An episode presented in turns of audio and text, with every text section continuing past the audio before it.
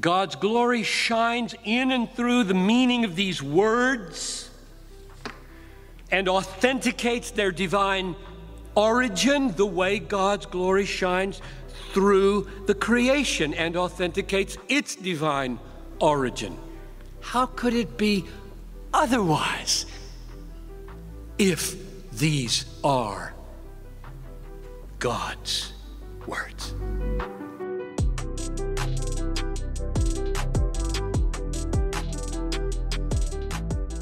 God zegen allemaal. In mijn vorige video ben ik begonnen om uitleg te geven over het zelfauthenticerend model van canoniciteit. Uh, de vraag is welke geschriften horen thuis in de kanon en volgens dit model moet de kanon zelf de basis geven voor het herkennen van welke schriften thuis horen in de kanon. Nou, dat klinkt misschien ingewikkeld, maar dat is het niet.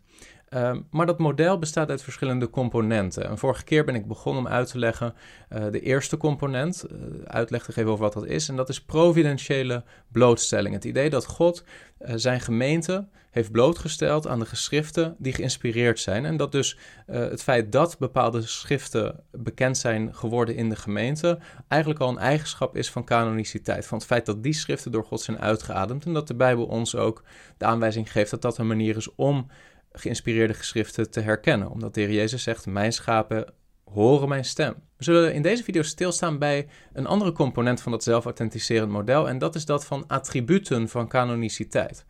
Um, geschriften die God heeft geïnspireerd, die hebben goddelijke eigenschappen. En een van die eigenschappen is de schoonheid van de schrift. En daar wil ik met jullie wat meer over nadenken. Wat betekent dat? De schoonheid of de heerlijkheid van de geschriften. Een bekend psalm, jullie kennen het ongetwijfeld allemaal wel, is Psalm 19. En in Psalm 19, in de eerste verse, nou de versindeling is wat anders in de herziene statenvertaling en de statenvertaling dan in de modernere vertalingen, maar um, ik lees even vanuit de versindeling van de herziene statenvertaling. Er staat in Psalm 19, vers 1 tot 7, een psalm van David voor de koorleider.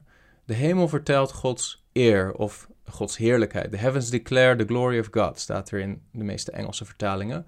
Het gewelf, oftewel de lucht, verkondigt het werk van zijn handen. Dag op dag spreekt overvloedig, nacht op nacht geeft kennis door. Geen spreken is er, geen woorden zijn er, hun stem wordt niet gehoord. Hun richtlijn gaat uit over heel de aarde, hun boodschap tot aan het einde van de wereld. Hij heeft daar een tent opgezet voor de zon. En die is als een bruidegom die zijn slaapkamer uitgaat. Hij is vrolijk als een held om snel het pad te lopen. Aan het ene einde van de hemel is zijn opgang, zijn omloop is tot het andere einde. Niets is verborgen voor zijn gloed. Waar het mij in de kern om gaat, en David in deze psalm denk ik ook, is de hemel vertelt Gods heerlijkheid of zijn eer. Dus met andere woorden, David zegt Gods schepping openbaart de schoonheid en de heerlijkheid van God. Wanneer wij kijken naar de schoonheid van een zonsopgang of een zonsondergang, of we kijken naar de sterren, dan zien wij in de werken van God de heerlijkheid van God, de schoonheid van God. En dat is niet altijd iets wat wij goed kunnen verwoorden. Het is niet altijd dat wanneer je die zonsondergang ziet en je ziet dat palet van kleuren in de hemel, dat je kunt definiëren waarom dat zo mooi is. En toch word je overweldigd door de schoonheid van die scène. En wat David eigenlijk laat zien in deze psalm en de Heilige Geest door David heen, is dat Gods schepping zijn heerlijkheid laat zien. En dat de schoonheid van God zichtbaar wordt in de schepping. En dat dat niet alleen maar iets is wat één of twee mensen zien, of alleen de gemeente van Christus ziet. Maar dat eigenlijk heel de wereld redelijkerwijs die heerlijkheid kan zien. En dat is, dat is waarom hij zegt in Psalm 19, vers 7 in de herziene statenvertaling. Aan het ene einde van de hemel is zijn opgang, zijn omloop is tot het andere einde, niets is verborgen voor zijn gloed. Dus met andere woorden, iedereen op aarde ziet die zon voorbij komen en ziet de heerlijkheid van God in zijn schepping. En Paulus die borduurt verder op dat idee in Romeinen hoofdstuk 1, vers 18 tot 21. Daar lezen we, want de toorn van God wordt openbaart vanuit de hemel over alle goddeloosheid en ongerechtigheid van de mensen die de waarheid en ongerechtigheid onderdrukken. Omdat wat van God gekend kan worden, hun bekend is. God heeft zelf het hun immers geopenbaard. Want de dingen van Hem, die onzichtbaar zijn, worden sinds de schepping van de wereld uit zijn werken gekend en doorzien. Let goed op wat er staat. Uit zijn werken gekend en doorzien, namelijk en zijn eeuwige kracht en zijn goddelijkheid, zodat ze niet te verontschuldigen zijn. Dus Paulus zegt: geen mens is te verontschuldigen. God heeft zo duidelijk in zijn schepping, in de werken van zijn hand, zijn heerlijkheid geopenbaard, dat als een mens dat niet ziet, dat niet komt doordat het er niet is, doordat het niet zichtbaar is, maar doordat de mens het niet wil zien, doordat de mens verblind is. En dat ligt Paulus verder toe, dat dat te maken heeft met de zondige natuur. In vers 21, zij hebben, hoewel ze God kennen, hem niet als God verheerlijkt of gedankt, maar ze zijn verdwaasd in hun overwegingen en hun onverstandig hart is verduisterd. Dus op het moment dat een mens de heerlijkheid en de schoonheid van God niet ziet in de schepping, ondanks dat hij wel de schoonheid van de schepping ziet, maar niet vervolgens ook beseft dat die schoonheid en die heerlijkheid van de schepping verbonden is aan de God en die schoonheid die die schepping heeft gemaakt, dan heeft dat te maken met zondige onderdrukking van dat wat evident is. Nou, als we dat erkennen voor de schepping, dan komen we weer terug bij Psalm 19 en dan gaan we zien wat David vervolgens doet en de Heilige Geest door David heen. Want in eerste instantie spreekt David over de heerlijkheid van God, de schoonheid van God die zichtbaar wordt in de schepping. Maar vervolgens, wanneer die komt in vers 8 of vers 7, afhankelijk van welke vertaling je gebruikt, dan verschuift Davids aandacht van de algemene openbaring van God in de schepping naar zijn bijzondere openbaring door zijn woord, door de geschriften. En dan zegt David dit in vers 8 of vers 7: De wet van de Heere is volmaakt. Zie je, nu gaat hij opeens van de schepping, van de heerlijkheid van God die zichtbaar wordt in de hemellichaam, in de zon, gaat hij naar de wet van de Heer of het woord van de Heer. Het woord van de Heer is volmaakt. Ze bekeert de ziel. De getuigenis van de Heer is betrouwbaar. Ze geeft de eenvoudige wijsheid. De bevelen van de Heer zijn recht. Ze verblijden het hart. Het gebod van de Heer is zuiver. Het verlicht de ogen. De vrezen des Heeren is rein. Ze houdt voor eeuwig stand. De bepalingen van de Heer zijn waarachtig. Met elkaar zijn ze rechtvaardig.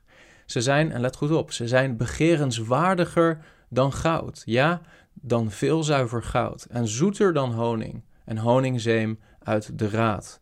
Ook wordt uw dienaar daardoor gewaarschuwd. In het houden ervan ligt groot loon. Dus wat doet David nu precies in Psalm 19? Wat hij doet is dit. Hij geeft aan de heerlijkheid van God is op een onontkenbare en onontkoombare manier zichtbaar voor heel de schepping. Maar Hetzelfde geldt voor de bijzondere openbaring. Hetzelfde geldt voor de wet van de Heer, het woord van God, de geschriften. Ze zijn begerenswaardiger dan goud, meer dan zuiver goud. Ze zijn zoeter dan honing. Wat David zegt hier is dat de intrinsieke schoonheid van God zichtbaar wordt niet alleen in de schepping, maar in de intrinsieke schoonheid van zijn woord, van de geïnspireerde, door God uitgeademde geschriften. En dat betekent, en dat is ook eigenlijk logisch als je erover nadenkt, dat de geïnspireerde schriften, zoals Paulus daarover spreekt in 2 Timotheus 3 vers 16, passa graphe theopneustos, heel de schrift is door God uitgeademd. Als dat zo is, dan is het ook logisch om te veronderstellen dat de schrift deelt in de eigenschappen van de God die die schrift heeft uitgeademd. En dat betekent dat als die God schoon is en heerlijk is en majestueus is, dat we dat ook zullen zien in de schrift. Uh, en dat dat vervolgens betekent dat zoals de schoonheid van God van zichzelf getuigt, ook de schoonheid van de geschriften van zichzelf getuigen. Zeg je, wat bedoel je precies, Chris? Wat, wat is het idee nu precies? Nou, ik zal een beeld erbij halen om een beetje uitleg te geven over het idee hier. Wanneer Jezaja in Jezaja 6 vers 1 tot 5 een ontmoeting heeft met God op zijn troon. En daar lezen we over hè, in Jezaja 6 vers 1 tot 5. Daar staat, in het jaar dat koning Uzia stierf, zag ik, dat is Jezaja, zag ik de Heere zitten op een hoge en verheven troon. En de zomen van zijn gewaad vulden de tempel. Serafs stonden boven hem. Ieder had zes vleugels. Met twee bedekte ieder zijn gezicht. Met twee bedekte hij zijn voeten. En met twee vloog hij. De een riep tot de ander: Heilig, heilig, heilig is de Heere van de legermachten. Heel de aarde is vol van zijn heerlijkheid. In feite hetzelfde idee als wat we lazen in Psalm 19. Heel de aarde is vol van zijn heerlijkheid door zijn werken, door de schepping. En dan staat er: De deurpin in de drempel schudde door de stem van hem die riep, en het huis vulde zich met rook. Toen zei ik: Wee mij, want ik verga. Ik ben immers een man met onreine lippen en ik woon te midden van een volk met onreine lippen. Mijn ogen hebben namelijk de koning, de heren van de legermachten, gezien. En wat valt hier op? Wat hier opvalt is dat op het moment dat Jezaja God in zijn heerlijkheid ziet, op zijn troon, dat Jezaja niet hoeft te vragen aan een van de serafs, wie is dat eigenlijk die daar zit? Of uh, te raden hoeft te gaan bij de kennis die hij heeft van God om te zien of dat de eigenschappen zoals hij die kent van God wel rationeel verantwoord zichtbaar worden in de God die hij ziet. Niets van dat alles. Hij ziet God, hij wordt overweldigd door de schoonheid en de heerlijkheid van deze God en hij weet meteen, mijn ogen hebben de koning gezien, de heren van de legermachten. En dat wil zeggen, dat wanneer, en dat zien we in de schrift wel vaker, wanneer mensen een ontmoeting hebben met de levende God, dan is het voor hun meteen duidelijk met wie ze te maken hebben. Dan hoeven ze niet vervolgens uh, na te gaan, was dit wel God? Maar dan weten ze dat intuïtief vanwege de heerlijkheid en de schoonheid van de God die zij zien. En dat, precies dat, is een eigenschap die de schrift ook heeft vanwege het feit dat de schrift door God is uitgeademd. De schrift laat de schoonheid van God zien op zo'n manier dat de mens intuïtief zou moeten weten dat hij hier niet te maken heeft met de woorden slechts van mensen, maar met de woorden van God. En daarin heeft de schrift een opvallende overeenkomst met de vleesgeworden zoon van God, met de Heer Jezus Christus in zijn menswording. Want wanneer de mensen keken 2000 jaar geleden naar de zoon des mensen, naar de Heer Jezus Christus, was het voor hen niet meteen duidelijk dat de heerlijkheid van God in hem was. Uh, velen hadden, ook door de zondige natuur, een verblind hart om te zien wie hij was. En dat had niet te maken met dat dat onduidelijk zou zijn, maar het had wel te maken met de blindheid van de harten. Dat zij uh, ziende blind waren en horende doof waren. En zelfs zijn apostelen uh, vroegen hem op een gegeven moment, dat zien we bij Johannes 14, vers 8, dat Filippus specifiek tegen hem zegt: Heere, laat ons de Vader zien en het is ons genoeg. En dan zegt de Heer Jezus, let goed op wat hij zegt. Dan zegt hij tegen hem: Ben ik zo'n lange tijd bij u en kent u mij niet, Filippus? Wie mij gezien heeft, heeft de Vader gezien. En hoe kunt u dan zeggen: Laat ons de Vader zien? Dus Filippus is al die tijd bij de Heer Jezus, maar hij ziet hem alleen in zijn mens zijn. Hij, hij is nog niet, zijn ogen zijn nog niet geopend om de heerlijkheid van de Zoon van God te zien die in hem is. Sommige mensen zagen slechts de mens Jezus, maar niet zijn heerlijkheid als God. En we zien natuurlijk wanneer drie van zijn apostelen met hem omhoog gaan op de berg, dat even als het ware die, die sluier van het mens zijn van Jezus weggehaald wordt en ze zien hem in zijn volle heerlijkheid. Maar in feite was die heerlijkheid er altijd. En precies dit gebeurt met de schrift. Sommigen kunnen de Bijbel lezen en, en wat ze lezen is mensenwerk. Ze zien gewoon woorden van mensen, maar je, de ogen van je hart moeten geopend worden om de schrift te zien voor wat de schrift is. En dat is niet alleen het werk van mensen, maar het werk van God. De uitgeademde uh, adem van God die in die schrift is en de schoonheid van God die daardoor zichtbaar wordt. De schoonheid van God is een eigenschap van de schrift. En dat niet iedereen dat ziet, betekent niet dat het geen ware eigenschap is van de schrift, maar heeft meer te zeggen over de gesloten ogen van de mensen die de Bijbel oppakken en lezen. En de Bijbel schrijft er ook over dat, dat velen verblind zijn en dat de God van deze wereld vele mensen verblindt, zodat ze het evangelie van de heerlijkheid van Christus niet kunnen zien. En dat, dat lezen we bijvoorbeeld in 2 Korinthe hoofdstuk 4, vers 4 tot 6. Ehm, maar voordat we dat lezen, moet, moet je iets beseffen. En dat is de heerlijkheid en de schoonheid van God zit niet zozeer in de letters van de schrift. Zit ook niet zozeer in de literaire stijl van de schrift. Want er zijn allerlei boeken in de Bijbel. Onder die 66 boeken is er proza, is er poëzie, uh, er zijn psalmen, er zijn spreuken, uh, apocalyptische visioenen en geschriften, geschiedschrijving, brieven, allerlei literaire genres. allerlei verschillende mensen met verschillende schrijfstijlen, verschillende auteurs, verschillende persoonlijkheden. Dus het punt is niet dat de heerlijkheid of de schoonheid van God letterlijk zichtbaar wordt in de letters of de woorden, maar in de onderliggende boodschap van het evangelie, van het verhaal van God, die zichtbaar wordt in de mozaïek van al die 66 boeken. Als je al die 66 boeken bij elkaar voegt, dan zie je het als ware het verhaal waardoor God zichzelf openbaart. Het evangelie van Jezus Christus. En dat is de schoonheid van de schrift. Het is, niet, het is, niet de, het is net als de zonsopgang. Het, het gaat niet om precies de vorm van de zon, maar het is het gehele plaatje wat de schoonheid en de heerlijkheid van God communiceert. En je kunt er soms geen woord aan geven waarom die schoonheid zo schoon is. Maar je wordt erdoor getroffen. En precies dat is wat de schrift doet. Die 66 boeken van het Oude Testament en het Nieuwe Testament. En die 27 boeken van het Nieuwe Testament specifiek. Die zo duidelijk samen in één harmonieus akkoord laten zien de heerlijkheid van God in het evangelie.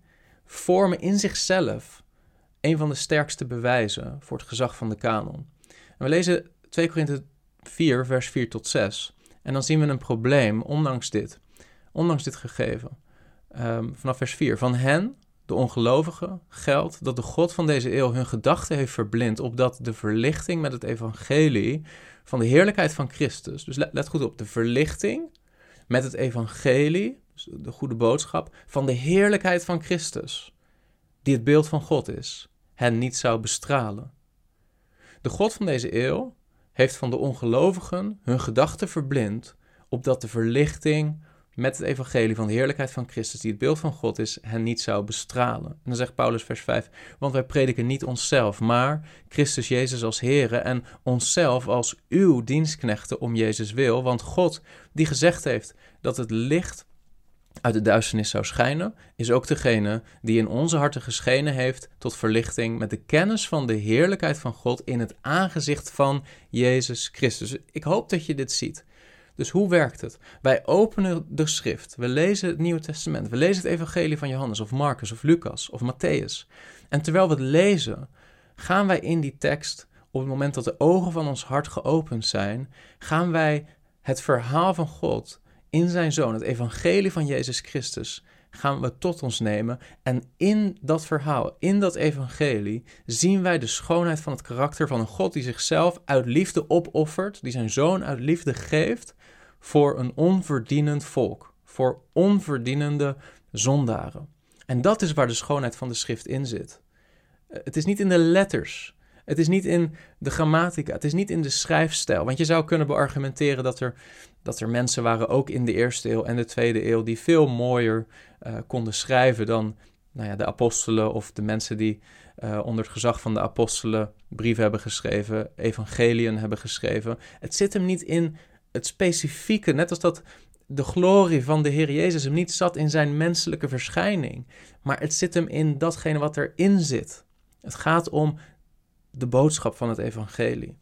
En als we dan kijken naar die boodschap van het evangelie, dan zien we dat daarin de heerlijkheid van God geopenbaard is, omdat daarin zijn zelfopofferende, heilige liefde zichtbaar wordt. En dat is de schoonheid, waardoor zelfs iemand die helemaal niets weet van de apostoliciteit van de 2 Petrusbrief en wat de argumenten daarvoor zouden zijn, of iemand die helemaal niets weet over of dat het Marcus-evangelie nu door een apostel is geschreven of door iemand anders. Iemand die helemaal niets weet van de ontwikkeling van de kanon van het Nieuwe Testament, kan toch meteen bij de eerste confrontatie met het Marcus-evangelie overweldigd worden door het feit dat dat geschrift gezaghebbend is. En waarom? Omdat de heerlijkheid en de schoonheid van God erdoor zichtbaar wordt. En misschien 10, 20, 30 jaar later ontdekt diezelfde inmiddels christen dat er ook hele goede argumenten zijn om aan te geven dat Marcus gekoppeld was aan het gezag van Petrus, dat Marcus waarschijnlijk een assistent was van Petrus, dat het een document is wat geschreven was in de omgeving van Rome, uh, terwijl Petrus nog leefde, en dat er dus goede, steekhoudende historische argumenten zijn om dat evangelie van Marcus te verbinden aan het apostolisch gezag van Petrus. Maar dat was niet de reden dat hij geloofde dat het gezaghebbend was, niet in de eerste instantie. In eerste instantie werd iemand simpelweg getroffen door de heerlijkheid van het evangelie van Jezus Christus, die zichtbaar werd door dat geschrift heen. En dat is een belangrijke component van die zelfauthenticatie van de kanon. En meer specifiek van die 27 boeken van het Nieuwe Testament, is dat door die 27 boeken heen de schoonheid van God zichtbaar wordt. Eh, God heeft iets gedaan wat geen oog heeft gezien en wat geen oor heeft gehoord en wat in geen menshart is opgekomen. En dat unieke van het evangelie, van dat verhaal, van dat motief, is hetgeen wat mensen vaak in het begin treft en blijft treffen terwijl ze hun wandel als christen voortzetten aan het christelijk geloof en aan de geschriften. En een dergelijk motief komt tegenwoordig terug in bijna alle films en boeken die ons raken als mensen. Het, het motief van een held, van een, een sterk persoon die zichzelf opoffert om anderen te redden. En de, en de onbaatzuchtige liefde die zichtbaar wordt daardoorheen. Heel vaak zijn het films met dat motief die ons ten diepste raken en die Oscars winnen, et cetera, et cetera. Maar de schoonheid van God wordt het meest zichtbaar in dat verhaal, in de geschiedenis van het evangelie van Jezus Christus, waarin hij zichzelf opoffert, waarin de Vader zijn zoon geeft, waarin de zoon vrijwillig de weg gaat van zelfopoffering en liefde om zijn volk, om ons te redden. En het is precies die schoonheid en die heerlijkheid van God die we zien in de kanon van de 66 boeken van de geschriften, die we niet zien in de boeken die niet tot de kanon behoren. Het is precies die heerlijkheid van dat karakter van God zichtbaar in het evangelie van Jezus Christus. Dat we bijvoorbeeld die schoonheid niet zien in de Koran. In de Koran zien we een God die niet zijn zoon heeft gegeven, die geen zoon heeft. Een God die niet mens geworden is. We zien een God die uh, wel bepaalde voorschriften heeft en bepaalde eisen stelt aan de mensheid en bepaalde um, superlatieven krijgt ten aanzien van nou ja, zijn verhevenheid. Maar we zien niet datzelfde karakter van een God die zichzelf vernedert voor zijn volk. Die onbaatzuchtige liefde die we zien in de kanon van het Nieuw Testament. En datzelfde zien we niet in het boek van Mormon. En datzelfde zien we niet in de gnostische pseudo-christelijke geschriften van de tweede eeuw. En juist die eigenschap van de schoonheid van de geschriften is een belangrijke eigenschap die maakt dat we weten dat die 27 boeken van onze Nieuwtestamentische kanon daar ook thuis horen. Omdat we de schoonheid en de heerlijkheid van God erin zichtbaar hebben zien worden. En die is onontkenbaar voor hen die geopende ogen hebben. Net als dat Jezaja geen moment hoefde te twijfelen wie hij had gezien op die troon. In een vervolgvideo wil ik ook het met jullie hebben over andere goddelijke eigenschappen van de schrift. En twee eigenschappen die veel uh, gebruikt worden ook, en ook in de historie van de Reformatie, zijn die van de kracht, oftewel de doeltreffendheid van de schrift, en die van de eenheid oftewel de harmonie van de schrift. Daar wil ik nog verder bij, bij stilstaan met jullie. Uh, en er zijn ook nog andere attributen van canoniciteit in dat zelf-authenticerend model, bijvoorbeeld apostoliciteit. Uh, en de ontvangst van de kanon, de Nieuwtestamentische geschriften, door het lichaam als geheel, door de gemeenschap. We kunnen het ook hebben over het intern getuigenis van de Heilige Geest, de manier waarop de Heilige Geest bevestigt dat de schrift inderdaad het woord van God is. Al die componenten uh, van dat zelfauthenticerend model van de kanon, die versterken elkaar, maar die zijn ten diepste alle gefundeerd in de ontologie van de schrift, namelijk dat de schrift is wat de schrift beweert te zijn, namelijk de uitgeademde, geïnspireerde woorden van God. Ik hoop dat je hier wat aan hebt gehad. Ik hoop dat het je richting geeft op het moment dat iemand je vraagt waarom geloof jij dat die 27 boeken onderdeel zijn van het Nieuwe Testament, dan kun je het hebben over providentiële blootstelling. Je kunt het hebben over eigenschappen van de schrift. Je kunt het hebben over het getuigenis van de Heilige Geest. Maar zoals je vandaag hebt gezien, kun je ook zeggen: Ik geloof dat die 27 boeken horen bij het woord van God, omdat ik de heerlijkheid van God daardoorheen heb gezien en de heerlijkheid van Christus. En die is onontkenbaar en onontkoombaar als je die leest. Maar God moet je ogen openen om het te zien. Ik hoop dat je hier wat aan hebt gehad. God zegen. Heb je iets gehad aan deze video? Druk dan op like, dan zullen meer mensen deze video zien. En wil je vaker dit soort apologetische video's zien? Abonneer dan op dit kanaal of abonneer je op de podcast zodat je deze boodschappen kunt beluisteren.